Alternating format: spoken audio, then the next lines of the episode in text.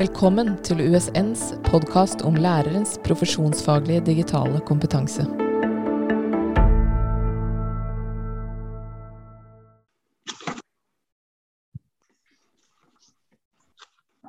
Ja, Hei og velkommen til podkast om aksjonsforskning og aksjonslæring.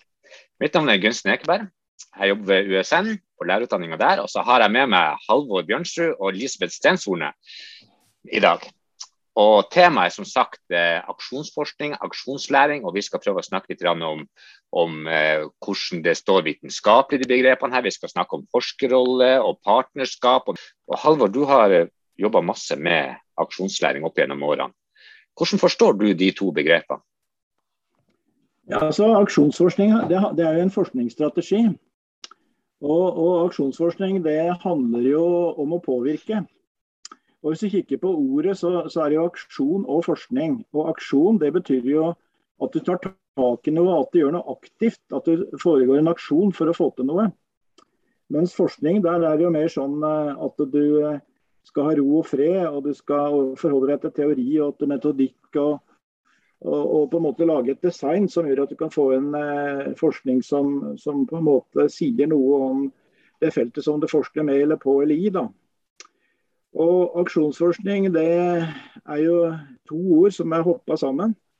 Som er kobla sammen på en sånn måte at uh, det sier ganske mye om uh, det også at det kan være dilemmaer og konflikter og forskjellige måter å se det på. Og, og det kan være sånn at uh, du ser at to ord som er såpass langt unna hverandre hver for seg, på en måte, de hører sammen når det gjelder det her. Og Hvis du tenker på aksjonslæring, så er jo det, går det på den samme aksjon, men da går det mer på læring.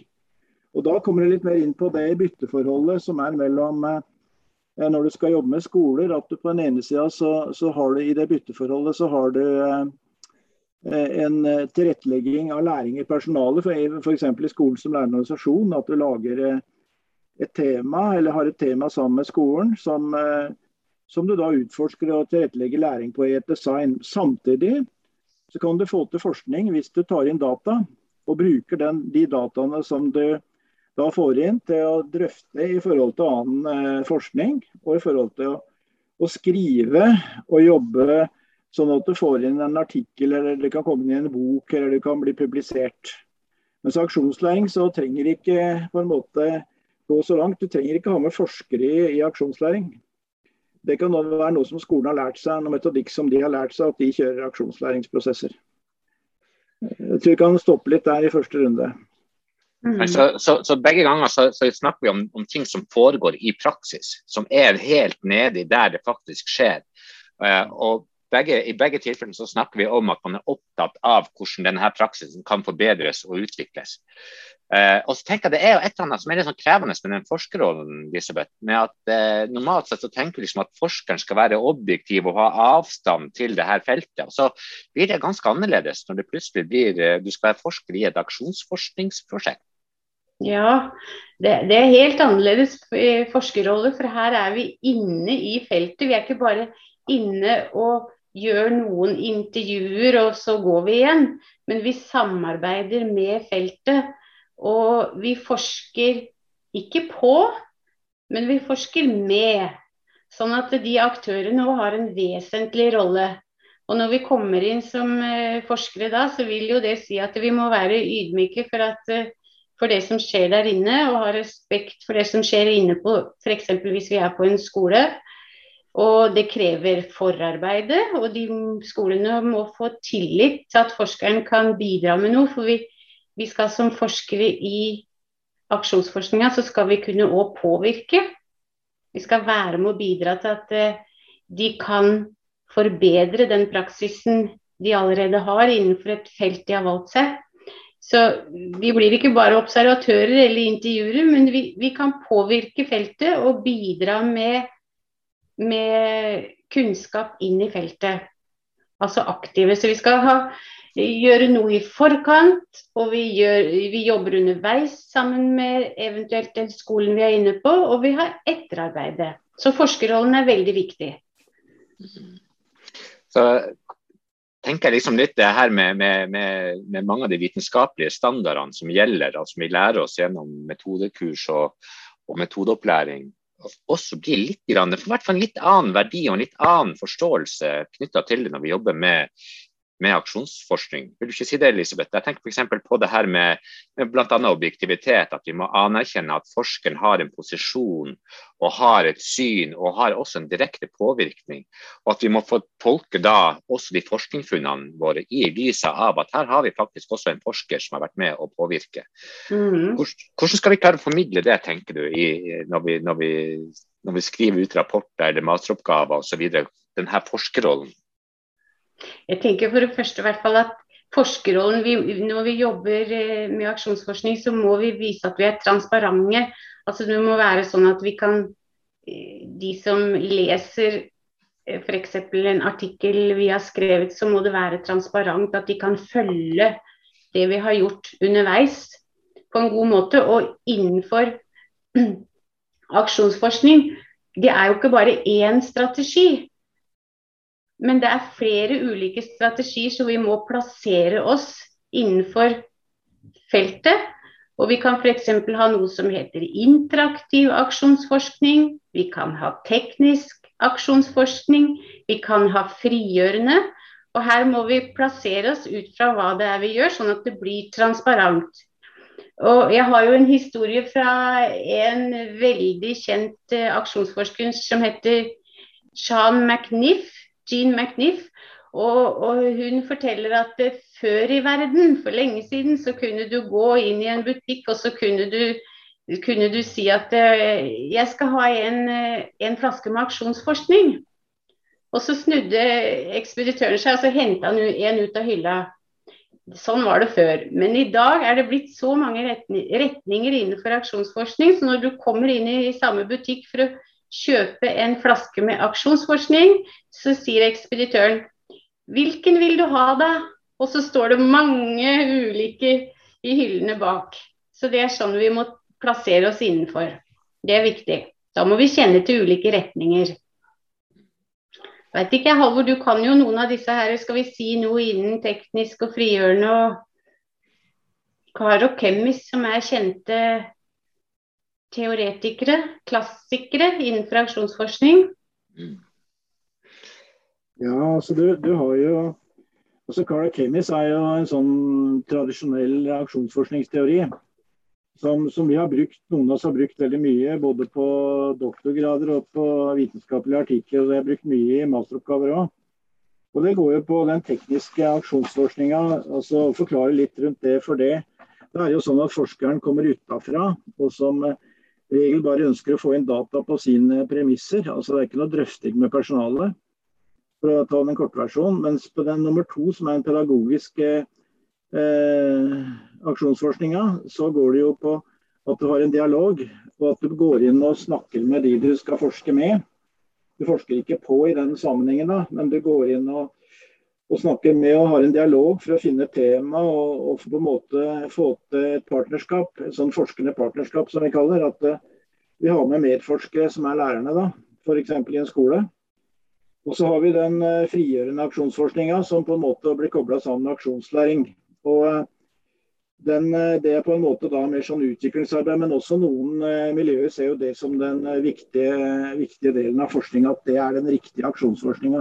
Carla Kemis så jo det sjøl. Men i Norge har, jo, har, vi jo hatt en uh, drøfting av det. og Veldig mange av de som jobber med, har tatt doktorgrader, har jo brukt den eh, pedagogiske aksjonsforskninga. Altså den som handler om drøfting av å gå inn i, skoler og, og, finne gode samarbeidstema, og så finne, få inn data på det samtidig som du driver skoleutvikling. Altså Det er vel de tre-fire tre, retningene som som i hvert fall er veldig, veldig sånn klare, ganske klare. Men de kan jo også gå over i hverandre. I hvert fall Når jeg har vært inne, så blir det jo både litt av teknisk og pedagogisk og frigjørende aksjonsforskning. Du klarer liksom ikke å bare dyrke den ene. Du, du, starter jo gjerne med at det er noe du vil, og da påvirker det jo. Men det er jo derfor det er så veldig fint å, å bruke det her i forhold til, til reformer i skolen. For det, er jo påvirkning. Og Da kan du også følge og forske, lage følgeforskning på, på, det som skjer, samtidig som du er inne. Men det må jo passe på så du ikke kolliderer, at du blir for, ja, for mye opptatt av, av å påvirke. Du må, du, må, jo på en måte forholde deg til personalet sånn at tilliten ikke blir brutt. Og til ledelsen. Altså, du må la skolen styre, og den pedagogiske aksjonsforskning er jo veldig på det. At det er skolen som skal styre. Altså så kommer nedenfra og litt ovenfra på en måte. Ja, det er interessant. da. Så uansett hvilken uh, tilnærming man, man, har, så handler det her jo om uh, både det individuelle som foregår i den enkelte lærer og den enkelte lærers utvikling, samtidig som det også er et kollektivt perspektiv. Hva du tenker liksom om det her, uh, akkurat de to perspektivene? Hvordan skal vi liksom klare å sørge for at det både er en individuell utvikling, og, og at det skjer noe liksom, for hver enkelt lærer, at det oppleves som nyttig og, og, og utvikling for den enkelte, samtidig som det også skjer noe kollektivt. Altså, det som er helt sikkert at I det øyeblikket du starter her, så, så går det jo bra som regel, og så kommer det litt motstand. altså Det hører jo med liksom at det blir litt spenninger. Men det, det går som regel bra hvis du Eller jeg vil si alltid. I hvert fall jeg opplever veldig sjelden at det har gått veldig gærent. Og jeg det, holdt på med det her i snart 30 år. Det, altså, det har jo noe med at du må tilpasse til de som er der, og prøve å få med alle. Og Det som, det som vi legger vekt på, er å få til individuelle refleksjoner. At hver enkelt får komme med sitt. Og så har vi kollektivet, og så bruker vi temaer som er fra erfaringa på skolen. altså De bruker sine egne erfaringer som lærere. Og så bruker de, er det kjempeviktig at de også får inn noe teori i en del sammenhenger. F.eks. gjennom en artikkel som vi kan dele ut. F.eks. om Kunnskapsløftet eller et eller annet som går på klasseledelse eller noe de er opptatt av, hvis det er det som er tema. Og så er det også viktig da at, at vi har en sånn eh, oppsummering med dem, og så finner på en måte eh, at de, har, eh, at de lager handlinger. altså At både den individuelle og kollektive refleksjon det leder til handling. Altså Det må ikke stoppe bare med sånn happening at du har sittet og drøfta. Men det skal skje noe. Det skal være action. Og det, og det Sven Nilsen og jeg skrev en artikkel som heter 'Joint Reflection in Action', som vi ga ut eh, for en par år siden. Og Det er fra en ungdomsskole som har jobba sånn, og som eh, synliggjør veldig hvordan de eh, gjennom å skrive brev til oss da, har jobba fram en, en bedre teamarbeid, eller forbedra, for å si det mer riktig, teamarbeidet sitt enda litt. For de var gode i utgangspunktet i forhold til å inkludere elever på skolen. Så Det er noe med den individuelle og kollektive refleksjonen. Du er avhengig av begge for å få til, få til en god, god, strategi for utvikling og få inn gode data til forskning. Mm. Ja, altså, Refleksjonen er jo vesentlig innenfor uh, både aksjonsforskning og aksjonslæring, som deler noe av de samme prinsippene. Men den refleksjonen er jo som Halvor sier, det skal, det skal føre til noe. Altså en forbedring av praksisen. Det skal ikke være sånn at vi sitter og bare lufter tankene og, og snakker om erfaringen. Vi skal løfte de opp og koble til teori, sånn at det fører til en forbedring av praksisen. Og, og Tom Tiller han snakker jo om at, eh, at eh, lærere å kan ligge oppå glasstaket og se ned på egen skole og reflektere. Altså hvis man har litt avstand til det som skjer når vi reflekterer. Det er viktig. Ja, refleksjon er absolutt viktig og sentralt for det meste av læring, og også selvfølgelig når vi jobber i aksjonsforskning og aksjonslæring tror vi runder av eh, denne lille sesjonen med den kommentaren om viktigheten av refleksjon. Takke Halvor og Lisbeth for å ha deltatt her. Eh, og så ses vi kanskje igjen i en annen podkast en annen gang. Takk for nå.